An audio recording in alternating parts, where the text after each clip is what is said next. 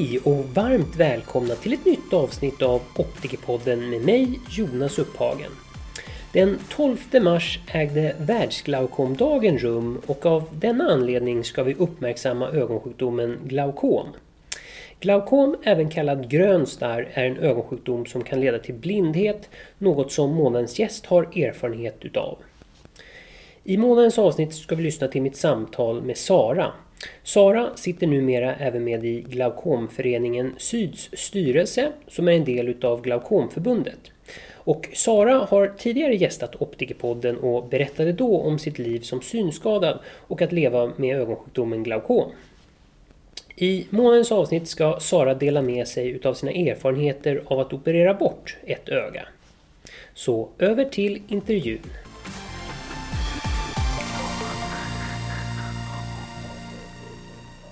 Hej Sara och varmt välkommen till Optikerpodden igen! Hej, tack så mycket! Ja, du var ju med här tidigare och då berättade du lite om ditt liv som synskadad och hur det är att leva med ögonsjukdomen glaukom. Mm, absolut. Eh, vi kan väl som vanligt börja med att du ger en kort presentation av dig själv så att lyssnarna vet vem jag pratar med och de lyssnare som inte lyssnade på ditt senaste avsnitt också får en uppdatering av vem du är. Ja men Sara heter jag, jag är 26 år och eh, bor i Malmö. Just nu så ehm, har jag precis börjat eh, mitt nya jobb som arbetsförmedlare inom ehm, rehabilitering jag tog precis examen. Jag har studerat tre år på Malmö universitet inom handikapp och eh, rehabiliteringsvetenskap. Så det är det jag mest gör nu om dagarna och sen så ehm, har jag då eh, sidan av då mitt Instagramkonto, Glaukomsara, som vi också pratade om lite sist i podden, där jag berättar om mitt liv med min eh, ögonsjukdom glaukom och min synskada och hur vardagen ser ut. Så ehm, det är väl hela drag mest om mig. Eh, hur är det att börja nytt jobb då som synskadad? Vad, vad, vilka uppförsbackar finns där? Detta är en väldigt stor eh, fråga egentligen för att jag har ju, när jag började arbeta så hade jag inte alls accepterat min synskada. Så att eh, jag jobbade ville liksom prestera precis som alla andra. Så jag slet ju ut mig själv totalt i och med att jag inte vill ha något hjälpmedel eller så.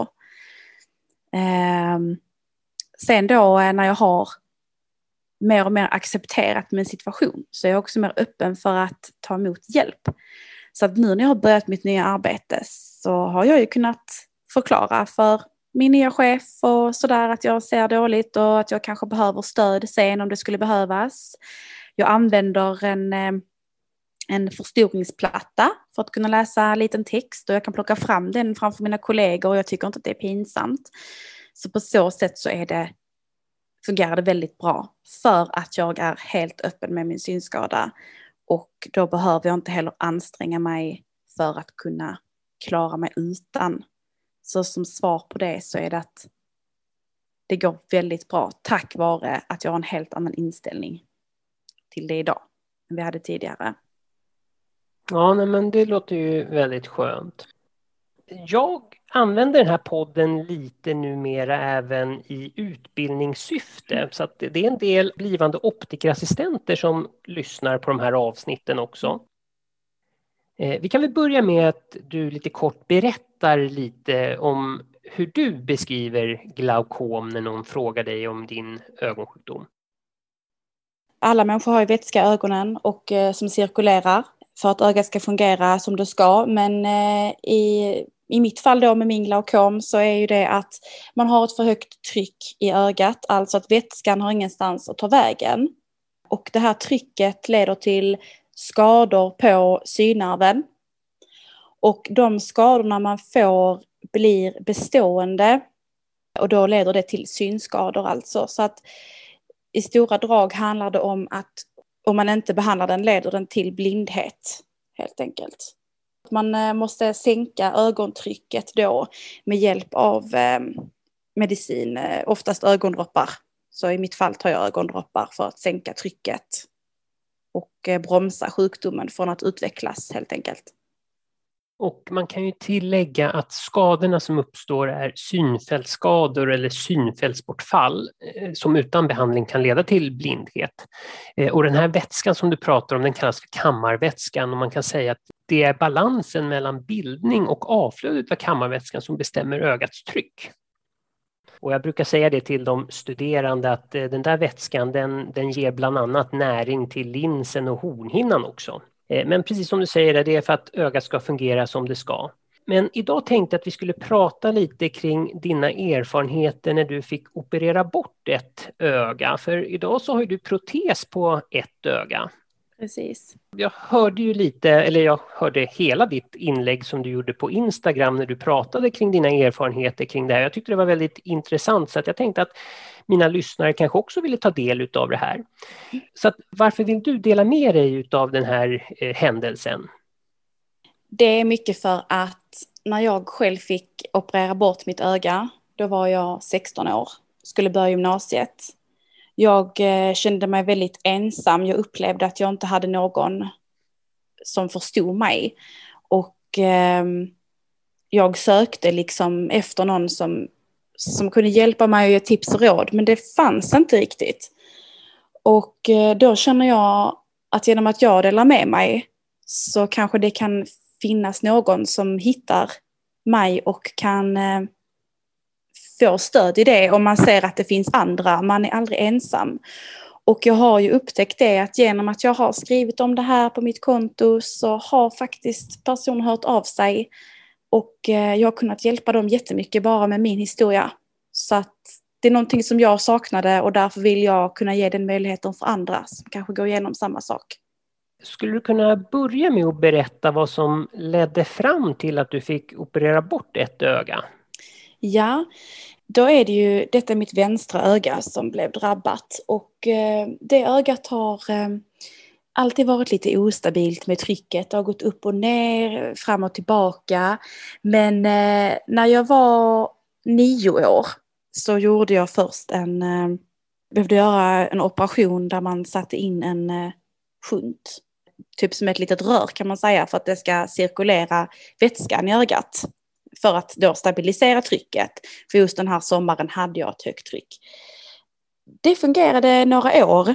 Sen så när jag var ungefär 15 så fick jag ganska starka smärtor i ögat. Och då eh, kom läkarna fram till att man behövde göra en ny sån här operation där man sätter in en till shunt, alltså ett litet rör kan man säga. Ibland behöver man göra en till kompletterande operation. Gjorde man den här operationen i början såg det ju bra ut och trycket liksom eh, stabiliserade sig. Men sen så blev det komplikationer. Jag fick blödningar i ögat. Näthinnan höll på att lossna. Det var massa blodkärl som, som bara tillkom så att jag fick stora smärtor. Hela ögat höll ju på att kollapsa helt enkelt. Och man kunde inte rädda allting.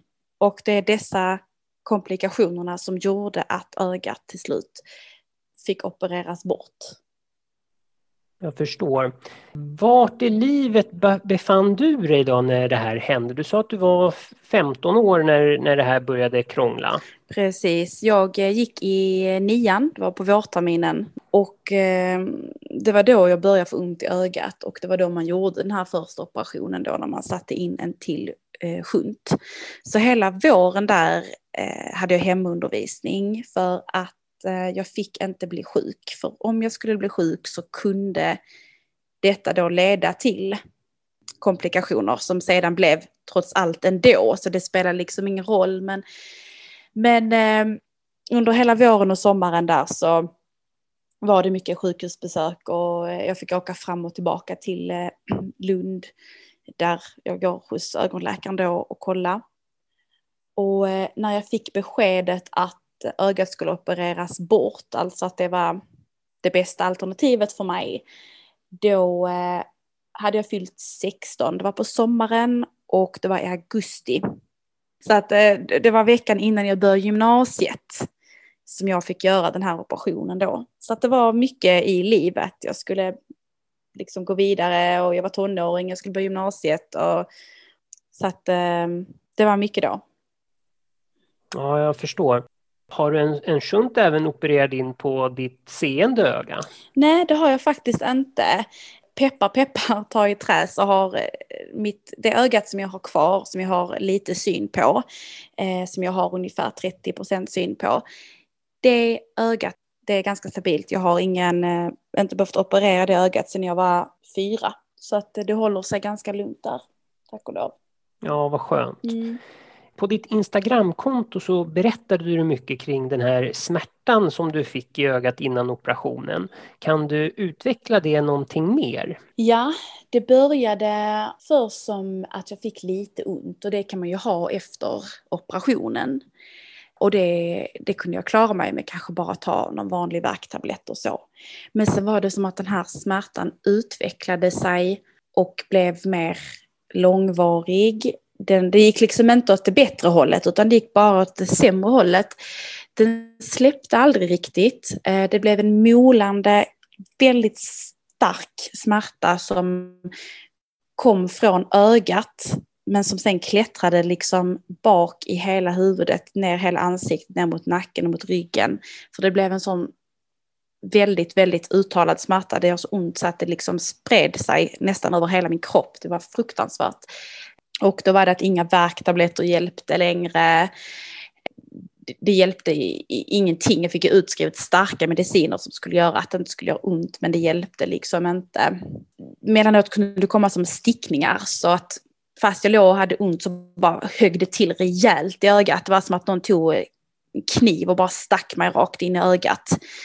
Eh, och det var ju uppenbarligen för att allting i ögat höll ju på att bara kollapsa så att det var ju därför som den här smärtan aldrig försvann heller ju. Kunde du gå i skolan under den här tiden eller var du, var du hemma och var sjuk under den här tiden? Hur, hur funkade det? Under våren då innan jag tog bort ögat så var jag hemma från skolan, eller fick hemundervisning, fick jag.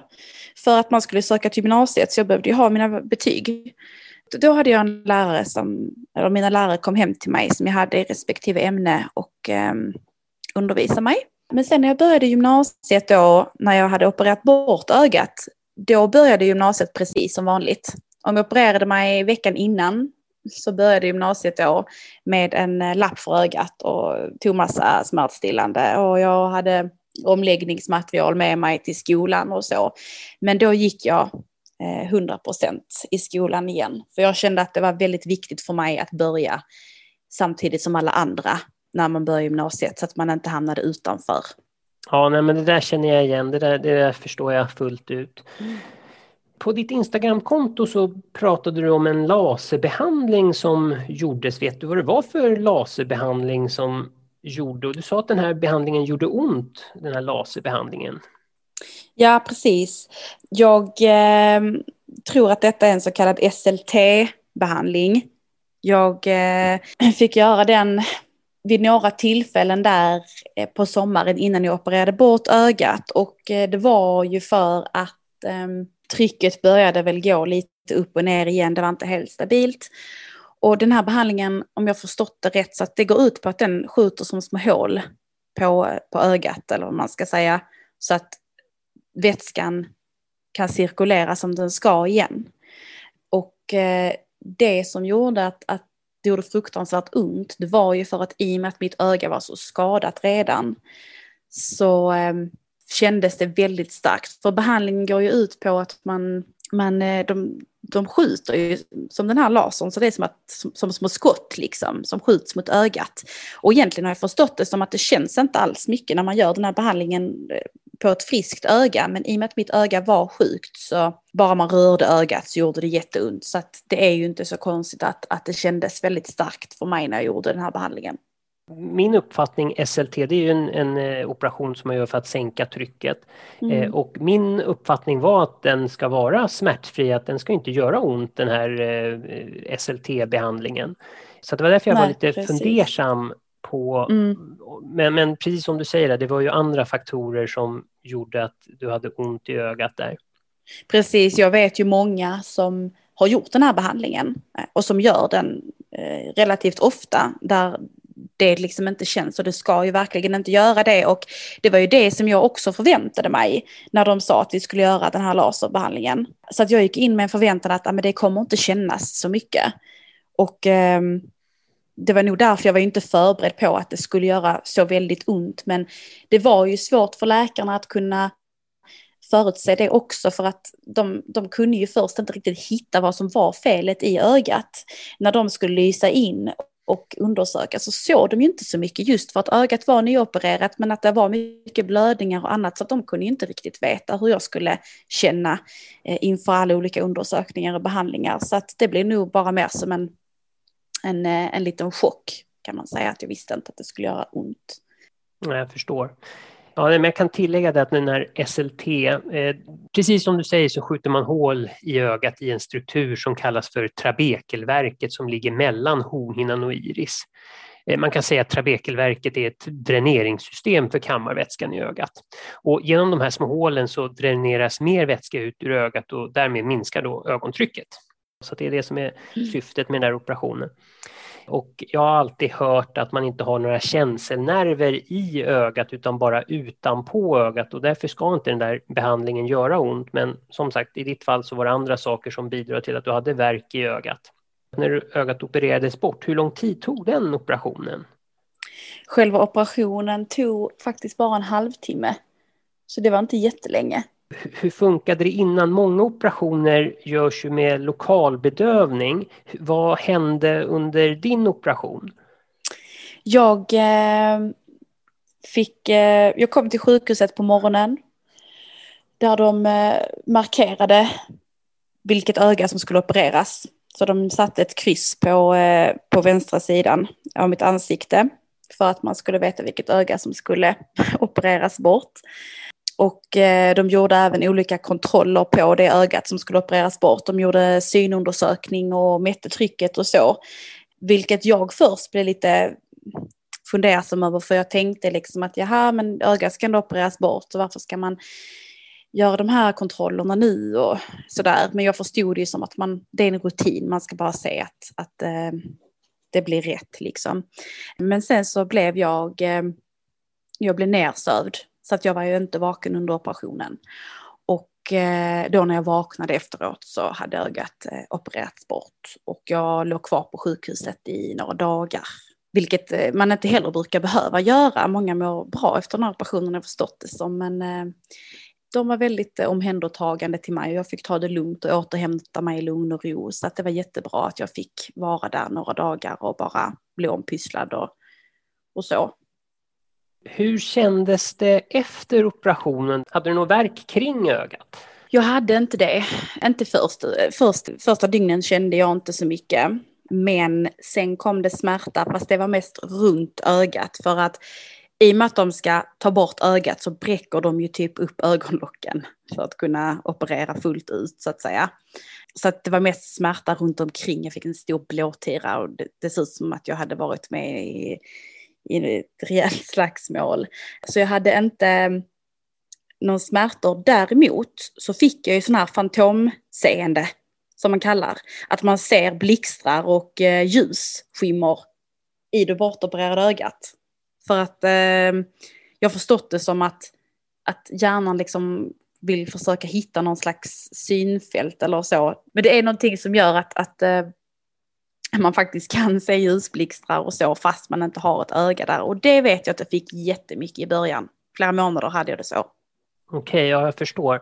Ögat är ju bara en del utav synen utan mycket utav synintrycken och tolkning utav det man får från ögat det sker ju i hjärnan så att jag kan fullt tänka mig att man kan få fantomsyn som du mm. beskriver mm. det. Men eh, på Instagram så uppfattade jag det som att det var ändå en, en lätt lättnad kan man väl säga efter operationen för att du hade haft väldigt ont innan operationen och efter operationen så hade du Precis, inte längre ont. Precis, alltså det var verkligen som ett starkt före och efter.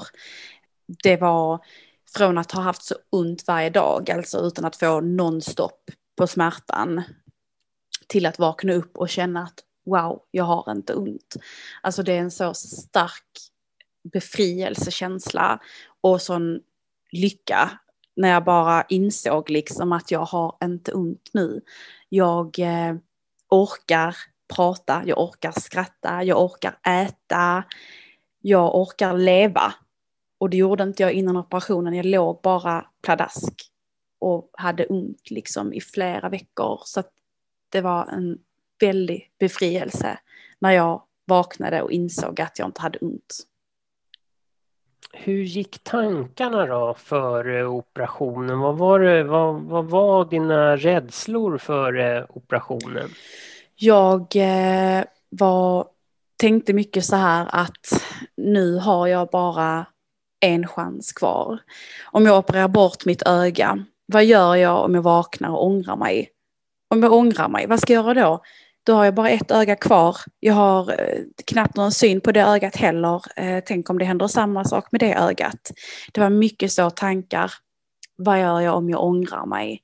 Att nu, jag kan inte det liksom. Eh, och det var ju absolut de största och mest tuffaste tankarna jag fick kämpa med att när jag väl gör det här, då finns det ingen återvändo. Och det är ändå ett öga som ska opereras bort. Det är liksom, det är en stor del av mig, det är mitt ansikte. Hur kommer det se ut? Hur kommer, hur kommer det kännas? Kommer det kännas som att jag har ett hål i mitt huvud? Väldigt så här starka och, och eh, tuffa tankar. Eh, men någonstans så var jag ju tvungen att tänka rationellt och, och se att ja men jag har ju så ont. Jag är blind, jag har ju förlorat synen på det här ögat nu ändå. Det finns ingenting att rädda då är det här enda utvägen. Och därför var det så skönt sen också när jag pratade med min läkare efteråt och frågade honom hur det hade sett ut. Och när han då beskrev att det fanns ingenting kvar av ditt öga att rädda Sara, det fanns ingenting. Det var som köttfärs. Så kändes det helt rätt. Helt rätt kändes det att eh, jag tog det här beslutet. Ja, men det, det måste ju kännas skönt ändå mm. förstår jag. Mm. Hur lång tid tog det att vänja sig med ett öga? Nu hade du kanske inte så bra syn på ögat som opererades bort, men hur lång tid tog det och, och att, att du kunde återgå till en normal vardag efter operationen? Det tog, eh, det tog ändå en liten tid för att eh, efter operationen så ska man ju eh, ordna med en protes som ska passa i ögat. Och det är också en liten process i sig. Att eh, man ska gjuta en protes, man ska måla den. Eh, det ska sitta bra, det ska se bra ut. Det kan ju ta några månader eftersom att eh, återhämtningstiden efter operationen är ju ungefär upp till ett år, alltså innan ögat är helt, helt bra. Så det tog en tid i sig. Men eh, sen så tog det också lång tid, liksom rent känslomässigt, att, att komma ikapp livet. Att, eh, att släppa de här tankarna och rädslan om att eh, det andra ögat också kan eh, bli sjukt och behöva opereras bort. Det har ju tagit mycket längre tid än just det fysiska bara. För att det fysiska, det, det mäktar man ändå med liksom. Det är nog mer det, det det psykiska, liksom, alla känslor man har. Det har tagit mycket längre tid. Det kan jag ju fortfarande kanske jobba med än idag. Så. Men som sagt, det fysiska, liksom just med återhämtningstid med protes och sånt där, det vande jag mig ganska fort faktiskt. Man kommer in i det snabbt. Vid den här perioden då, då skulle du precis börja gymnasiet så att du började gymnasiet med ett öga eller hur, hur ja, men var precis. det där? Eh, jag opererade ju bort ögat en vecka innan jag började gymnasiet. Vi hade ett sånt här äh, läger. När man var, varje termin man började så hade man ett läger. Eller varje år man började. Och eh, jag åker dit på det här lägret, träffar, känner ingen sedan tidigare. Och då har jag ju en eh, ett stort förband över ögat. Jag eh, hade även eh, lite feber, man kan ha det ibland när man har opererats. Eh, jag hade lite feber och eh, ja, var lite sådär halvsjuk. Men eh, så jag gick ju där i början med mitt bandage. Och eh, alla frågade ju såklart. Men då fick ju alla också veta direkt ju. Så att, så att sen när jag då efter någon vecka när jag plockade bort bandaget och jag hade en blåtira, men då visste ju alla varför redan. Så det löste ju sig, det var inga problem. Eh, och alla blev ju intresserade och, och, följde min resa. Liksom, eh, någon gång hade jag varit och målat om protesen, ja då visste alla det. Så att det blev väldigt bra att jag började eh, direkt faktiskt. Mm, jag förstår. Och hur eh, tycker du att dina nya klasskamrater tog emot det här? Då? Hur, hur reagerade dina klasskamrater? Först så, eh, först så blev det ett litet eh, rykte på det här lägret då att jag hade varit med i något slagsmål. Och det, det är det ju verkligen det var lite roligt att folk, folk trodde ju det. Men sen så när jag då började berätta, för jag har valt att alltid vara öppen med det som har hänt. Jag tycker att det är bättre, annars blir det att folk spekulerar. Så då berättar jag ju för någon liksom att ja, men nej, jag har opererat bort mitt öga och sådär. Och då, då var ju alla jätteintresserade och frågade och, och ville veta mer. Och alla var väldigt hjälpsamma. Jag har bara fått möta goda människor, tack och lov, i den här situationen. Så att alla var otroligt fina och engagerade i min situation. Så det kändes så himla bra och rätt liksom. Ja, vad skönt. På din Instagram så skriver du att eh, din största sorg samtidigt kan bidra till en stor glädje. Kan du utveckla vad du menar med det? Ja, eh, innan jag opererade bort mitt öga så såg man att det var väldigt skadat. Eh, jag skelade, det var rött, eh, irriterat. Jag hade de här två skjuntarna inopererade så att ögat var alldeles stort jag hade haft så mycket liksom, inflammationer och irritationer så att jag hade liksom ingen riktig ögonfärg. Det var väldigt, väldigt skadat det här ögat. Och det resulterade i att jag skämdes, jag eh, gömde mig bakom luggen, håret liksom var alltid utsläppt, jag var rädd för att titta folk i ögonen i och med att jag skelade. Alltså otroligt sorgligt men, men man är liksom ung och jag kände mig så annorlunda och kände mig ful och, och väldigt så, väldigt negativ bild av mig själv. Men när jag då fick operera bort mitt öga så var det ju fruktansvärt hemskt för att jag såg vad min sjukdom kan göra med mig. Det har skapat mycket psykisk ohälsa för mig efter det för att jag har varit så rädd att det ska bli likadant med mitt andra öga. Samtidigt som jag har fått ett helt annat självförtroende. För att den protesen jag har är otroligt fin. Jag skälar inte längre. Jag vågar titta människor i ögonen, eh, till viss del i alla fall.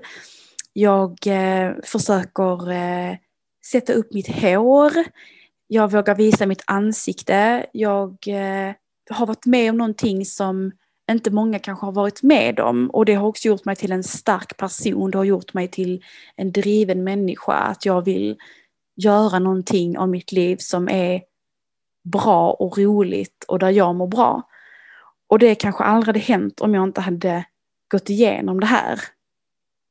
Så att därför har det varit så blandade känslor.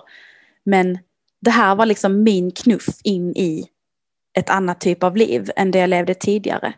Sen så är det väldigt sorgligt såklart att, att det skulle behövas ett nytt typ av utseende för att man skulle känna sig fin. Men det blev väl mer som en, en knuff att nej Sara, vet du vad, nu hände det här. Nu, du fick operera bort ditt öga, skitsamma, kör på, du måste älska dig själv, du måste älska ditt liv liksom.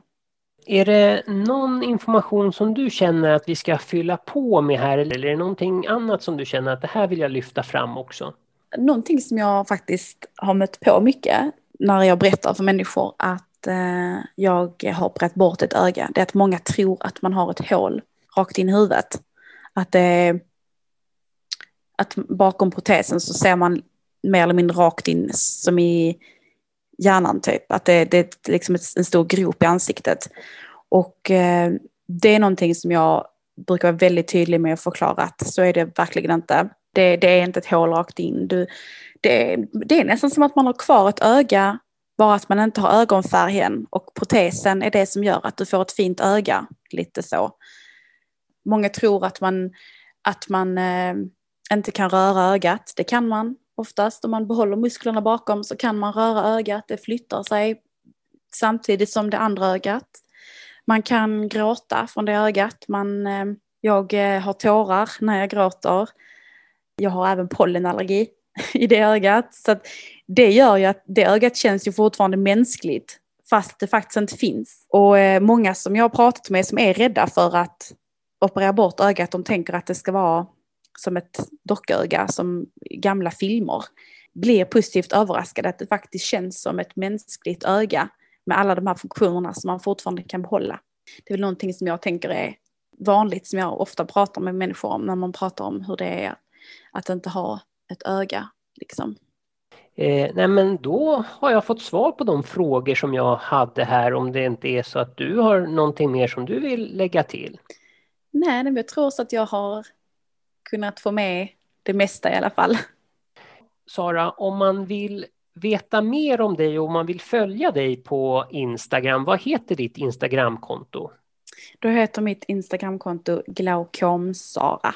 Där berättar jag om mitt liv med eh, den här ögonsjukdomen glaukom och eh, min synskada och hur man får vardagen att fungera trots detta. Men eh, då tackar jag så jättemycket för att du tog dig tid att prata med mig i Optikerpodden.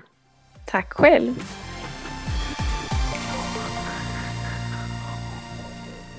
Då tackar jag igen Sara för att hon tog sig tid att prata med mig i Optikerpodden.